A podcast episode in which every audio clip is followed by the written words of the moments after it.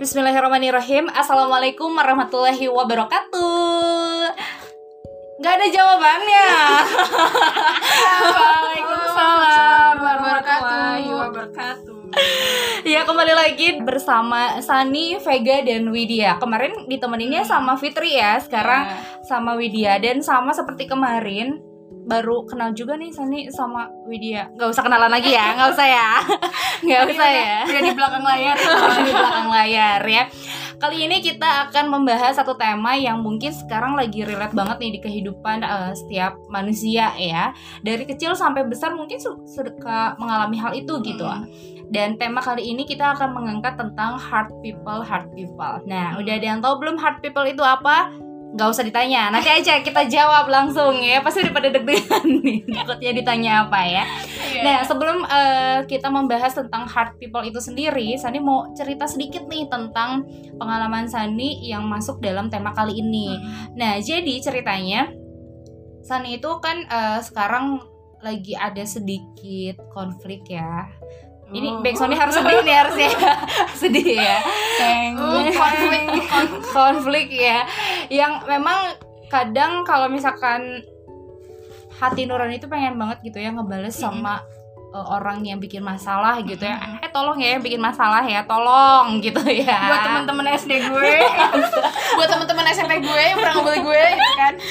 iya bener banget ya. Sekarang lagi musim banget juga bullying di mana-mana dan itu kadang membuat uh, membekas juga ya di di setiap uh, hati manusia gitu dan pengen rasanya ngebully orang lain juga gitu karena sebagai salah satu rasa dendam kita tersalurkan kepada orang. Nah, membicarakan soal dendam di tema hard people ini kita akan membahas itu semua. Boleh nggak sih sebetulnya seseorang itu membalas uh, rasa de- rasa dendamnya kepada orang lain nih? Kita akan bahas satu persatu ya.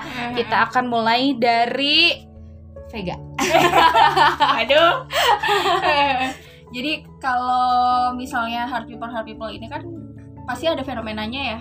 Ada fenomenanya ketika seseorang itu eh, istilahnya disakiti oleh orang lain, maka orang si orang yang disakiti itu ingin punya kecenderungan ingin menyakiti orang lain juga gitu. Ya kan? Seperti yang tadi Sadi udah bilang bahwa kalau misalnya ada temen yang ngebully, pengennya tuh ngebully balik gitu supaya orang itu tuh juga merasakan apa yang dirasakan sama orang yang sudah dibully kayak gitu kan. Nah, biasanya fenomena-fenomena kayak gini tuh nggak terjadi di hanya pertemanan aja. Tapi kira-kira ada ini ini nggak sih nyadar kalau misalnya kita belajar apa ya ilmu-ilmu parenting kayak gitu, itu kan biasanya ada yang ngebahas tentang masalah pola pengasuhan orang tua yang salah kayak gitu kan.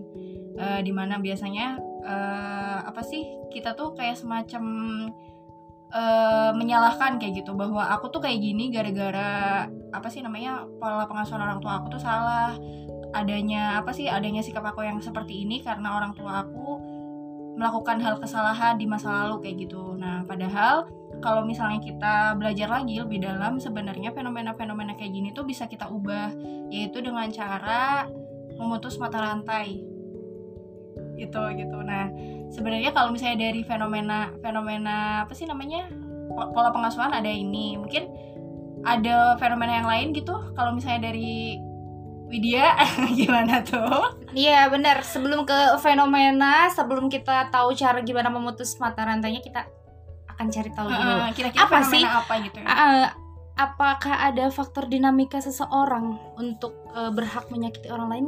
Kita tanya pada ahli ya. bukan belum ahli ya Oh, belum ahli. ya Iya sih, mohon sebenarnya- doanya. sebenarnya kita di sini maksudnya sharing, aja Sharing, gitu kan ah. jadi sebenarnya kenapa sih apa ya orang misalkan seseorang ini punya motif balas dendam sama orang lain. sama orang lain. Sama orang yang pernah menyakiti karena karena sebenarnya secara nggak sadar kita tuh kan sebenarnya di bukan diasuh ya maksudnya kita tuh mengalami sesuatu itu melakukan sesuatu itu atas dasar kita itu mengalami sesuatu kebayang nggak Iya, sih kita apa yang kita lihat gitu ya Iya, jadi kita tuh melakukan sesuatu atas dasar apa yang kita dapat dari pengetahuan, Heeh. yang kita alami dari mungkin pengasuhan, dan juga dari hal-hal lain yang mungkin kita alami sendiri gitu. Nah, Hmm. ketika kita punya motif untuk balas dendam sama Hmm. orang lain, ya mungkin bisa jadi hal itu tuh dikarenakan karena kita terlalu sering mendapatkan respon itu tuh respon terus apa ya sering tersakiti dari orang lain gitu ya makanya eh, ada hard people, ada fenomena hard people, hard people. Jadi ketika orang disakiti, terus dia mendapatkan apa ya pengalamannya itu disakiti, maka akan cenderung untuk menyakiti balik karena yaitu yang dia dapatin itu lebih ke rasa sakitnya itu kan. Jadi Hmm. punya kecenderungan untuk eh, is- istilahnya balas dendam tadi itu dengan balasan yang setimpal kayak gitu gak sih? Iya karena apa ya mungkin seseorang itu akan merasa lebih puas ketika apa yang didapatkan dia dengan orang itu setimpal gitu loh. Hmm, iya iya iya. bener, Jadi kalau misalkan singkatnya aku sudah merasakan kesakitan ini, kamu juga harus merasakan kesakitan yang aku rasakan gitu. bener. Hmm, Ya karena sebenarnya manusia itu punya kecenderungan untuk menuntut diri terhadap orang lain gitu. Jadi ketika misalnya itu tuh tidak terpuaskan atau tidak tidak tersampaikan, maka yang sering kali muncul adalah kita membalas itu kepada orang lain. Gitu. Hmm, supaya juga bisa merasakan apa yang kita rasain sebelumnya Iya, gitu. tapi sebenarnya kalau misalkan kan itu semacam kayak lingkaran setan gitu ya, Hmm. kayak maksudnya kita disakitin terus kita balesin sakit lagi ke orang lain gitu. Itu tuh kayak Hmm. semacam terus aja ya kalau misalnya kita Hmm. disakit- disakitin tuh kayak gitu kayak kita tuh nggak nggak memutus mata rantai lingkaran itu sendiri gitu kan. Hmm. Kita tuh akan berada dalam apa ya perasaan-perasaan yang nantinya tuh malah nggak nyaman, Hmm. maksudnya berada dalam pikiran atau perasaan yang membuat kita tuh jadinya lelah nggak sih? Maksudnya Iya, iya, ketika iya, misalkan iya. kita balas dendam sama orang lain terus diri kita tuh apa ya kayak kita tuh sebenarnya kan punya em, apa ya punya kecenderungan gitu untuk positif atau negatif kita tuh Mm, mm, kalau misalkan terus berat terus terus berada dalam kondisi seperti itu berarti kita tuh apa ya berada dalam kondisi yang negatif terus Mm-mm. gitu kayak mm. nguras energi gitu ya. ngurus energi terus juga bahkan saat tidak saat tidak berhadapan dengan orang, orang lain aja kita tuh akan Mm, mm, mm. apa ya istilahnya sumbu pendek gak sih Iya, maksudnya iya, iya. Jadi eh, gampang emosional. gampang emosional segala sesuatu tuh menjadi lebih cepat ambil keputusan tanpa mempertimbangkan Iya, banyak iya, hal iya, sebenarnya iya. dampaknya adalah bukan kepada orang lain sebenarnya yang lebih dirugikan tapi ke diri sendiri gitu yang Mhm, lebih dirugikan ketika kita eh, membalas dendam kepada orang lain Mhm. jadi sebenarnya yang paling harus kita tahu poinnya adalah ketika kita misal mau mencoba membalas dendam kepada orang lain yang menjadi inti adalah jangan sampai itu tuh yang dirugikan tuh justru bukan orang lain tapi diri kita sendiri kan Iya, karena iya. kan banyak hal yang udah sama kita nyakitin orang lain terus dibalas dibalas lagi sama orang lain mungkin kita yang rugi Mhm. pertama kali terus yang kedua kali kita jadi eh, apa emosi kita jadi lebih negatif Mhm. gitu kan terus kita juga banyak relasi kita sama orang lain jadi nggak sehat sama sekitar nggak sehat gitu loh jadi Iya, iya. sebenarnya yang lebih dirugikan adalah diri kita sendiri gitu Iya. Soalnya kalau misalnya ngomongin dendam juga kayaknya lebih susah nggak sih eh, istilahnya kayak kita merencanakan suatu kejahatan kayak gitu kan yang maksudnya di direncanain banget supaya itu tuh bisa apa ya istilahnya ngejurus ke orang yang kita tuju kayak gitu kan supaya orang yang orang itu tuh bisa apa ya setimpal gitu ngerasain Iya. apa yang kita rasain kayak gitu kan otomatis kayak misal merencanakan merencanakan su- suatu apa ya pembalasan dendam itu kayak jauh lebih sulit gitu ya Hmm. daripada kita ikhlas ikhlasin aja kayak gitu kan ya Iya. karena ini tuh sebenarnya nyambung juga sama ketika kita niat melakukan sesuatu gitu misalnya Hmm. ketika kita melakukan sesuatu kan akan kembali kepada diri kita sendiri gitu ketika Hmm. niatnya nggak baik balas dendam kepada orang lain yang dirugikan juga diri kita sendiri kita akan mendap kita akan mendapatkan sesuai dengan apa yang kita niatkan gitu Ya, jadi jangan sampai eh ya namanya juga penyesalan ya datangnya Mm-mm. terakhir karena kalau di depan itu udah pendaftaran ya,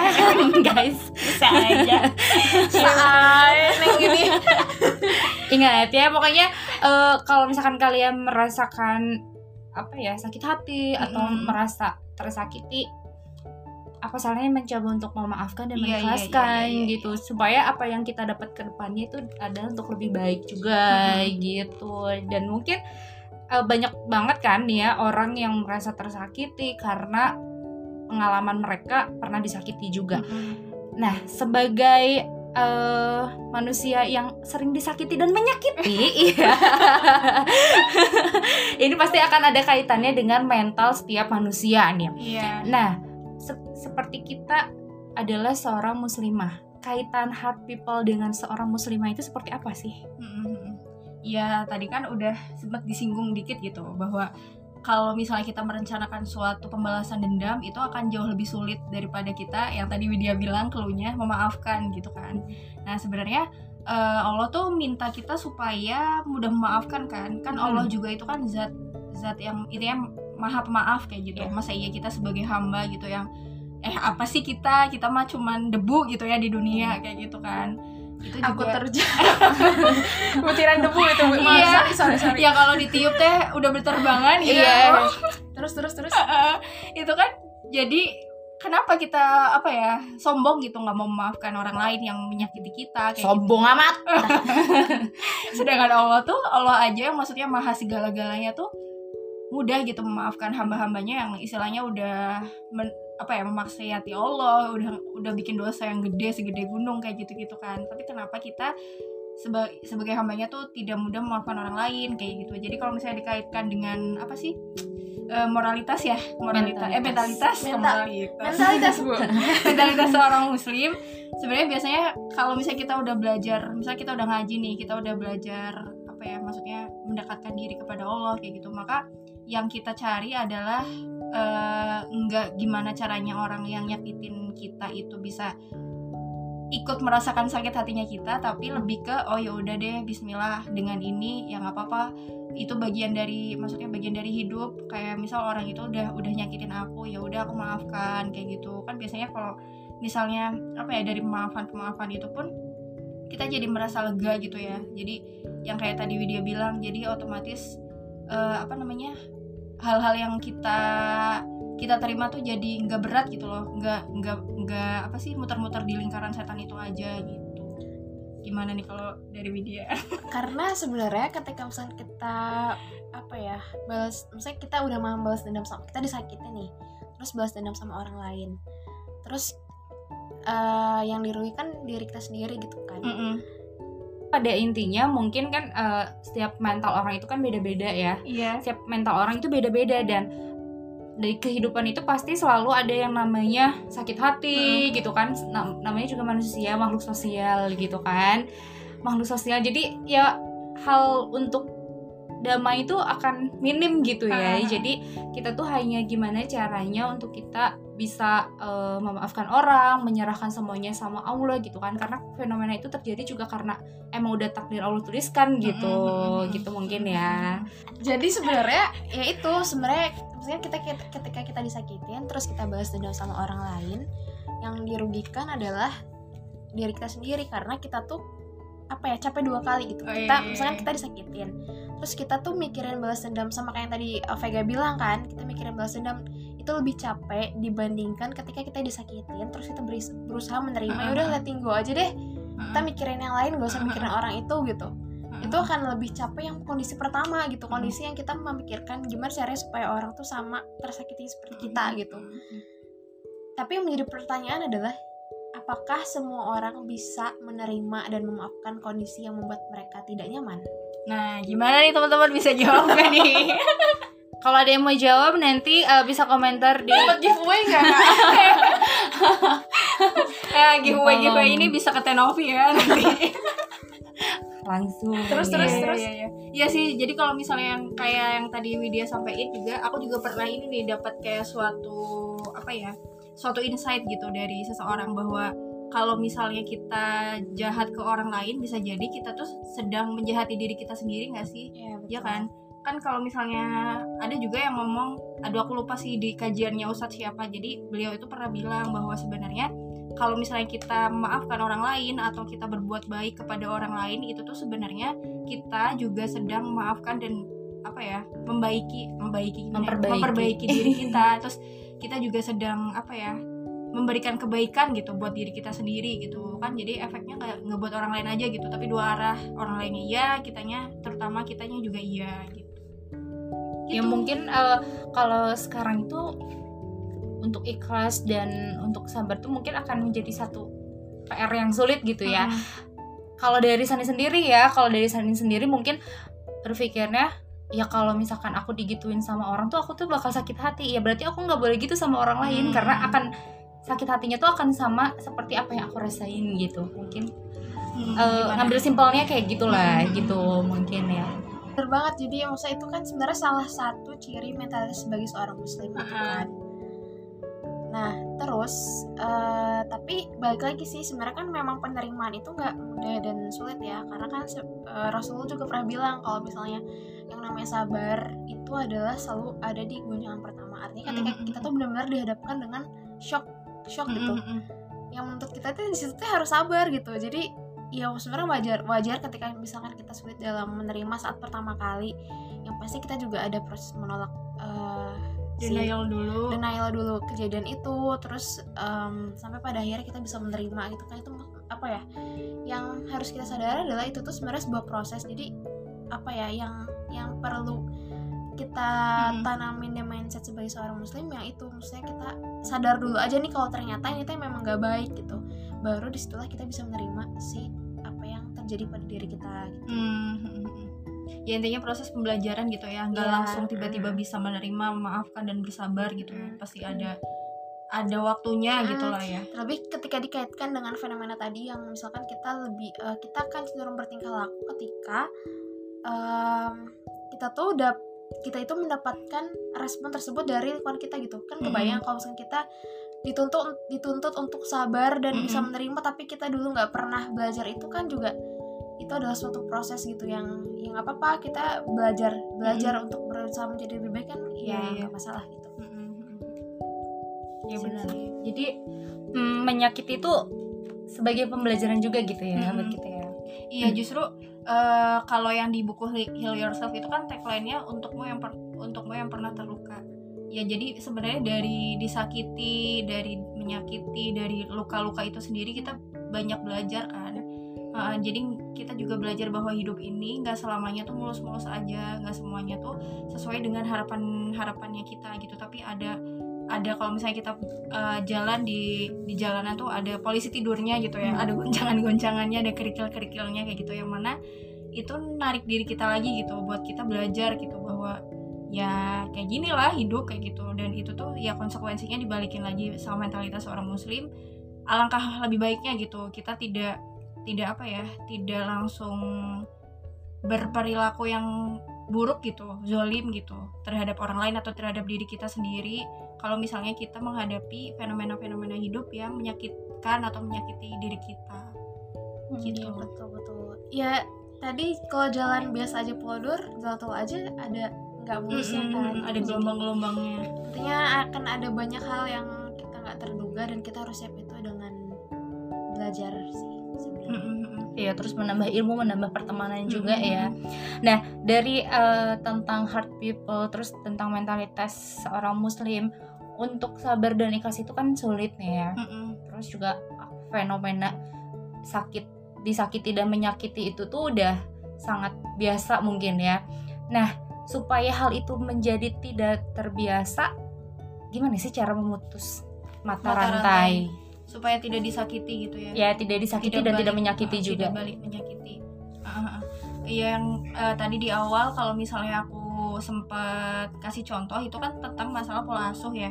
Jadi kalau misalnya pola asuh itu kan kadang ada orang yang belajar bahwa oh iya aku eh, pribadi aku atau diri aku terbentuk seperti ini ga- gara-gara orang tua aku misal ayah sama ibuku tuh kayak gini di masa lalu kayak gitu. Nah itu tuh biasanya kalau misalnya kasusnya masalah pola asuh kita bisa kembali belajar tentang apa ya gimana gimana kita mempelajari yang namanya pola asuh pola asuh parenting gitu. Misalnya kalau yang sekarang tuh kenalnya parenting gitu. Jadi buat mat- memutus mata rantainya itu kita bisa belajar parenting dengan baik atau kita belajar dari tokoh-tokoh parenting yang istilahnya udah apa ya udah berkiblat ke parentingnya Rasul dulu me- apa ya mendidik anak-anaknya kayak gitu. Otomatis kan kalau misalnya kayak gitu kita akan kelak nih kita misal punya keluarga sendiri gitu atau kita kan nanti akan jadi orang tua insya Allah gitu. Kita nggak akan apa ya mengulangi kesalahan-kesalahan orang tua yang ada di masa lalu kayak gitu. Hmm. jadi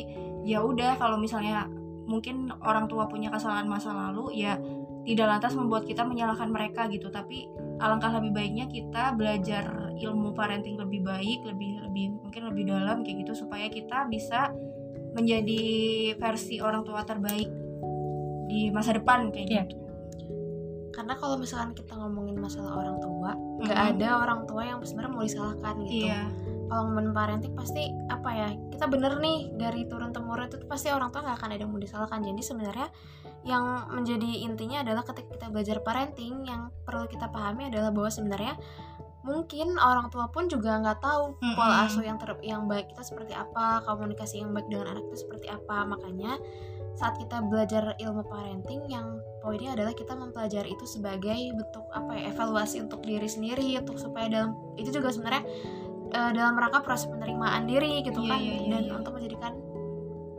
eh, diri kita dalam mungkin nanti berrelasi dengan orang lain membangun keluarga menjadi lebih baik lagi gitu Mm-mm. Sehingga tidak memu apa tidak mengulang mengulang mengulangi kejadi kesalahan yang sama dan bisa memutus mata rantai itu di situ maksudnya tidak mem- tidak berdampak kepada anak atau generasi selanjutnya gitu. Mm-mm. Iya. Terlebih Mhm. lagi juga sekarang eh, untuk parenting, untuk mendapatkan ilmu pola asuh itu banyak banget ya. Mm-mm. Mulai dari Instagram tuh sekarang udah Iya, banyak iya, Instagram, udah banyak. sosial media, buku, buku pun tanpa kita beli tuh kita bisa bisa searching Mhm. dan segala macam. Jadi eh, bukan alasan lagi ketika kita tuh men- menjadi orang tua tuh hanya sekedar feeling good lah kasat Hmm. gitu ya. iya kadang kan ada juga yang berpikir ya udahlah nanti mah kalau dia jadi ibu juga punya feelingnya sendiri gitu kan Mengikuti ya naluri doang gitu. Iya, hey Esmeralda tidak semudah itu ya. Menjadi seorang ibu, menjadi orang tua Aduh. itu nggak nggak mudah. Makanya iya sebelum terlambat kita harus belajar dari sekarang Ah, juga. Terus gitu. ada yang menarik nih tadi yang uh, Sanem bilang, terus gimana sih supaya kita tuh tidak disakiti dan tidak menyakiti? Hmm. ya gimana tuh kan sebenarnya kalau misalnya kita disakiti adalah sebuah apa ya respon yang timbal balik. Mm-mm. Ketika kita disakiti artinya orang lain yang men- menyakiti diri kita kan. Mm. Nah itu tuh sebenarnya ada di luar kendali diri kita karena kita tidak bisa mengontrol atau mengendalikan perilaku si orang lain gitu. Mm-mm. Maka yang bisa kita lakukan adalah bagaimana caranya kita membangun respon kita supaya kita juga tidak berlaku yang sama terhadap orang lain Eh, sebaliknya dan juga orang lain yang mungkin entah siapa pun kita menyakiti orang Hmm. lain gitu. kayak semacam ini gak sih bikin boundaries gitu Ya betul, betul. buat betul. diri sendiri gitu ya Ah, kayak boundaries tuh ini ya teman-teman semacam batasan diri Mm-mm. supaya diri kita tuh apa ya orang lain tuh apa ya, kita tuh sebenarnya punya kemampuan punya batasan untuk orang lain tuh tidak memasuki terlalu dalam diri kita gitu hanya orang-orang tertentu yang em, berrelasi baik dengan diri kita gitu yang Mhm. mungkin bisa untuk ya maksudnya supaya kita pun punya kontrol terhadap orang lain dan diri kita sendiri gitu Mm-mm. Ya mungkin jadi nanti kalau misalkan kita mendapatkan masalah atau sakit hati, kita nggak berfokus kepada balas dendamnya, tapi kita berfokus kepada gimana caranya kita untuk bangkit dari sakit itu, Hmm. gitu mungkin ya. Iya, dan Hmm. maafkan si orang Iya, itu gitu jadi ya. mencari solusinya Iya. untuk diri kita bukan mencari cara untuk membalaskan dendam itu Mm-mm. tersebut gitu. Jadi kita lebih fokus Iya, memperbaiki diri gitu Mm-mm. ya. dengan memilih bagaimana caranya kita merespon si situasi tersebut gitu karena kan sebenarnya kita tuh manusia punya kemampuan untuk memilih ya Iya. iya iya iya. Iya jadi kayak nggak semuanya kebur- keburukan dibalas dengan keburukan kejahatan dibalas kejahatan hal yang menyakiti dibalas dengan kita menyakiti juga kayak gitu kan. Iya. Nah, dari cerita dan bincang-bincang yang kita panjang tadi, kita mengambil eh, kisah inspiratif yang mungkin sudah ini kisahnya udah dari udah masyur iya udah dari Udah. guru ngaji ke guru ngaji gitu ya sampai udah nggak asing kita lagi gitu ya. Iya, tentang di mana eh, Nabi Muhammad SAW ketika itu eh, dihujat ya, dibully lah ya sama seorang pengemis buta dan Mm-mm. eh, pengemis ini sudah mencaci maki habis-habisan kepada Mm-mm. Rasulullah. Namun di suatu ketika Rasulullah tidak membalas eh, bulian atau cacian pengemis tersebut. Bahkan Rasulullah malah memberi makan dan sampai Iya, disuapin iya, iya, sama iya. Rasulullah Iya, gitu. iya. Jadi itu tuh salah satu bukti nyata bahwa ternyata kejahatan itu tidak harus dibalas dengan kejahatan juga Mm-mm, bener gitu. bener bener Iya sampai eh, waktu pas Rasulullah wafat itu kan jadi si beliau ini yang pengemisnya itu kan nyari-nyari gitu Iya. kan sampai pada saat itu aduh aku lupa nih ini yang gantiin tuh siapa Umar atau Abu Bakar ya ya nanti bisa dicari. Salah satu sahabat Nabi ya. Eh, entahlah Umar atau Abu Bakar. Jadi yang ngegantiin nyuapin si pengemis tua ini tuh eh, Salah satu sahabat Nabi. beliau eh, salah satu sahabat Rasul yang istilahnya si orang ini tuh udah kerasa gitu. Kenapa suapannya tuh beda? Kayak gitu kan. Rasanya tuh beda nggak selembut yang pas kemarin-kemarin kayak Iya. gitu. Terus eh jadi entahlah Umar atau Bakar ini tuh bilang iya yang kemarin nyuapin anda adalah Rasulullah Muhammad kayak gitu kan. Dan orang yang maksudnya pengemis tua itu pun kaget gitu kan. Iya. masa iya eh, Muhammad itu kan yang udah eh, berkali-kali ini aku apa sih namanya aku jahatin secara verbal mungkin kayak gitu gitu. Terus kan kalau misalnya dari ceritanya beliau ini kan kafir ya dulunya. Terus kan langsung masuk Islam gitu kan gitu. Terus juga ada lagi sih yang yang apa namanya yang mungkin teman-teman juga udah pada tahu kisah yang di Taif gitu kan. Itu kan yang wow wonderful banget. Terus ya luar biasa banget gitu yang eh, ketika Rasulullah ingin dari Mekah gitu ya jauh gitu se- sejauh 60 mil gitu yang kalau yang aku baca. Jadi dari Mekah ke Taif ini tuh jaraknya 60 mil. Itu kan nggak bukan jarak yang dekat ya.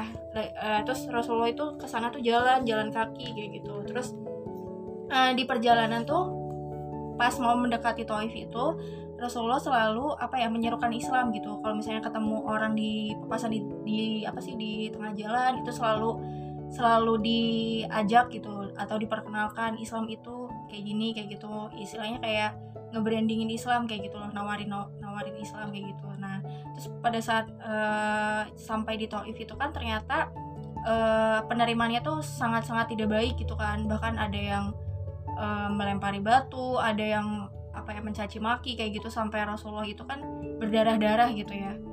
Eh, hingga hingga pada saat itu tuh ada Jibril gitu. Jibril yang bilang ke Rasulullah kayak wahai Muhammad apabila engkau ingin apa ya ini ada gunung nih ada ada malaikat penjaga gunung. Kalau misalnya engkau mau si gunung ini ditimpakan kayak gitu. Bisa bisa aja kayak gitu. Misal ya tinggal berdoa aja Rasulullah mau minta si masyarakat Taif ini digimanain kayak gitu dilululantakan kayak gitu. Tapi ya namanya Rasulullah Muhammad gitu maksudnya yang ahlak ahlak yang paling mulia kayak gitu yang ada di manusia itu kan ada di beliau gitu. Jadi beliau itu tidak membalas apa ya kesakitannya beliau itu dengan kejahatan juga kayak gitu. Tapi malah justru sebaliknya beliau itu malah mendoakan gitu mendoakan kepada Allah bahwa ya Allah yang aku inginkan dari masyarakat Taif ini adalah seluruh masyarakatnya suatu saat nanti akan menjadi seorang muslim gitu. Mhm. dan kalau misalnya kita lihat sekarang gitu kalau misalnya ada teman-teman yang udah pernah ke Taif itu kan masya Allah gitu semua penduduknya semua masyarakatnya itu kan muslim gitu kan. Di mana yang dulunya tuh ya sebegitunya gitu ke Rasulullah gitu. Jadi dari fenomena dari kedua kisah inspiratif ini kita bisa belajar gitu bahwa kita bisa kita bisa memilih untuk tidak membalas kejahatan dengan kejahatan juga gitu. Mhm. bahkan berkahnya insya Allah dari Allah lebih ini gitu lebih lebih lebih banyak gitu ketika kita bisa memaafkan dan malah mendoakan apa ya orang yang menyakiti kita dengan doa yang doa terbaiknya diri kita gitu. Kan kita juga pernah ini ya pernah pernah dengar gitu bahwa Allah itu akan men- mengijabah doa-doa orang yang terzolimi atau tersakiti. Iya. Kan? Nah itu dia. Itu tuh sebenarnya kita bisa memilih bahwa kita tuh nggak nggak apa ya nggak lantas kita mendoakan keburukan kan keburukan ke orang yang menyakiti kita ya. Walaupun bisa-bisa aja kita misal kayak ya Allah semoga orang ini juga sakit hati ke aku kayak gitu. Ya bisa-bisa aja sah-sah aja kayak gitu. Tapi kita masih punya pilihan gitu bahwa alangkah lebih baiknya kita memohonkan ampunan gitu buat orang yang nyakitin hati kita supaya kita juga bisa diampuni gitu lah ya bisi kita kita teh. Eh Sunda banget ya. Ya kali aja kita tuh juga punya dosa-dosa gitu Iya. kan. Dosa-dosa juga ya. Kita mohon ampun buat diri kita terus kita mohonkan ampun dosa-dosa si orang yang menyakiti kita tersebut. Sama Allah kayak gitu tapi emang menarik sih doa orang-orang terzolimi itu ya. Sampai pernah apa nih aku minta dizolimi sama teman-teman supaya doa aku tuh terijabah gitu. Terijabah sampai sampai segitu sih kayak kayak udah nggak apa-apa kamu eh, kamu zolimin aku aja nggak apa-apa. Emang emang kenapa aku pengen berdoa aku pengen minta ini pengen minta itu karena emang meyakinkan bahwa doa ada orang terzolimi itu bisa dikabulkan gitu loh seyakinnya itu gitu Iya, ya. Aduh. Nah emang kalau misalkan doa ada orang terzolimi itu nggak akan ada halangan loh. Iya iya. iya iya iya. Bisa langsung diijabah gitu. Heeh. tapi tetap dengan tata cara berdoa yang baik dan benar ya. Mm-mm. gitu. Nah dari uh, berbagai kisah tentang hard people hard people aku pengen tahu nih statement terakhir dari Vega dan Widya tentang uh, hard people ini dan Iya. apa yang pengen disampaikan kepada teman-teman untuk memutus rantai menyakiti dan disakiti ini. Iya iya gitu. iya. Iya sebenarnya kalau misalnya dari aku sih eh setiap manusia itu pasti tempatnya salah ya. Gak semua, gak ada manusia yang sempurna kayak gitu. Eh apa namanya perkara atau perihal menyakiti dan disakiti itu setiap kita itu biasanya berpotensi untuk mengecewakan orang lain, menyakiti orang lain kayak gitulah. Tapi ya itu tadi kita masih punya pilihan gitu bahwa kita kita tidak tidak apa ya tidak serta merta apa namanya membalas itu dengan kejahatan atau keburukan juga nah biasanya kenapa kenapa kenapa kayak gitu Eh, masa iya sih kita mau gitu kalau misalnya ada orang lain terus yang ngejahatin kita terus kita balas dengan kejahatan juga otomatis kan eh, nilai kualitas dirinya kita itu kan bisa sama ya sama sama seperti orang yang itu gitu. Nah kita kan pengennya menjadi orang maksudnya menjadi muslim yang baik gitu. Maka kita dari situ sebenarnya kesempatan kita buat belajar gitu buat belajar memperbaiki diri buat belajar supaya kita bersabar kayak gitu kan. Ya dari situ sih sebenarnya eh, kita juga patut berterima kasih gitu ketika kita disakiti orang lain kayak gitu. Kan ya otomatis ya insya Allah bisa menggugurkan dosa-dosa kita gitu Iya. dengan ketika kita tidak membalas itu membalas seseorang itu dengan menyakiti dia balik gitu gitu aja Oh, dari Widya. apa ya intinya sih kalau misalkan eh, misalkan itu kan ketika kita punya mot apa ya punya motif ketika kita mau membalas eh, dendam kepada orang lain tuh kan sebenarnya secara nggak sadar nggak sadar sadar nggak sadar gitu kan nah yang mungkin apa ya yang pertama kita lakukan kalau misalkan kita, per apa ya sedang ada di kondisi itu ya kita sadar dulu bahwa sebenarnya itu tuh nggak baik dan yang akan diru- dirugikan adalah diri kita sendiri gitu bukan Mm-mm. orang lain karena kan kita juga akan mendapatkan sesuai dengan apa yang kita lakukan dan niatkan Iya, gitu iya, kan iya. nah jadi sebenarnya pada intinya adalah tetaplah apa pun yang orang lain lakukan terhadap kita entah perkataannya sikapnya tetaplah menjadi baik Eh, bukan untuk orang lain tapi juga untuk diri kita sendiri diri kita gitu. sendiri iya iya iya iya. gitu Jadi ya teman-teman kalau merasa tersakiti berdoa aja. Mm-mm. Berdoa, berdoa sing husu ya. berdoa sing husu ya. Nah, dan buat eh, kamu yang pengen tahu gimana sih sebenarnya hard, hard people menurut eh, Al-Qur'an atau juga hard people yang lebih mendalami lagi kalian bisa eh, beli buku Heal, Heal Yourself, ya. Gimana caranya kalian bisa follow dulu aja Instagramnya di at healyourself.id Nah, kalian bisa eh, cari tahu informasi tentang gimana caranya mendapatkan buku Mm-mm, Heal Yourself. Nah, buat tema apa lagi yang akan kita bahas, kamu juga bisa eh, komen komen di di story Instagram, atau eh, di Instagram DM. eh, di DM. Apa pun itu kalian boleh request Mm-mm. eh, pada kami tim ya apa pun itu dan nanti kita akan susun apa aja nih yang pas untuk dibahas di podcast eh, ke depannya nanti ya pokoknya kalian harus eh, follow Spotify Anchor Heal Heal Your yourself talk. ya pokoknya pantengin terus eh, Instagram dapatkan info-info Iya. Asik banget ini. pokoknya jangan sampai ketinggalan eh, tema-tema yang akan kita bahas ke depannya barangkali itu yang sedang kamu rasakan atau kamu butuhkan sekarang ya. benar jangan lupa baca juga postingannya ya. Iya jangan cuma di skip doang gitu ya. Kayak aku ya. Aduh. kalau gitu eh, terima kasih banyak untuk kamu yang sudah mendengarkan podcast Heal Yourself tentang hard people. Hard people ini semoga bisa merubah diri kamu ke depannya menjadi lebih baik lagi. Dan Hmm. kami ucapkan eh, pamit undur diri. Ada Sani ada Vega. ada Widya di sini terima kasih banyak kami pamit wassalamualaikum warahmatullahi wabarakatuh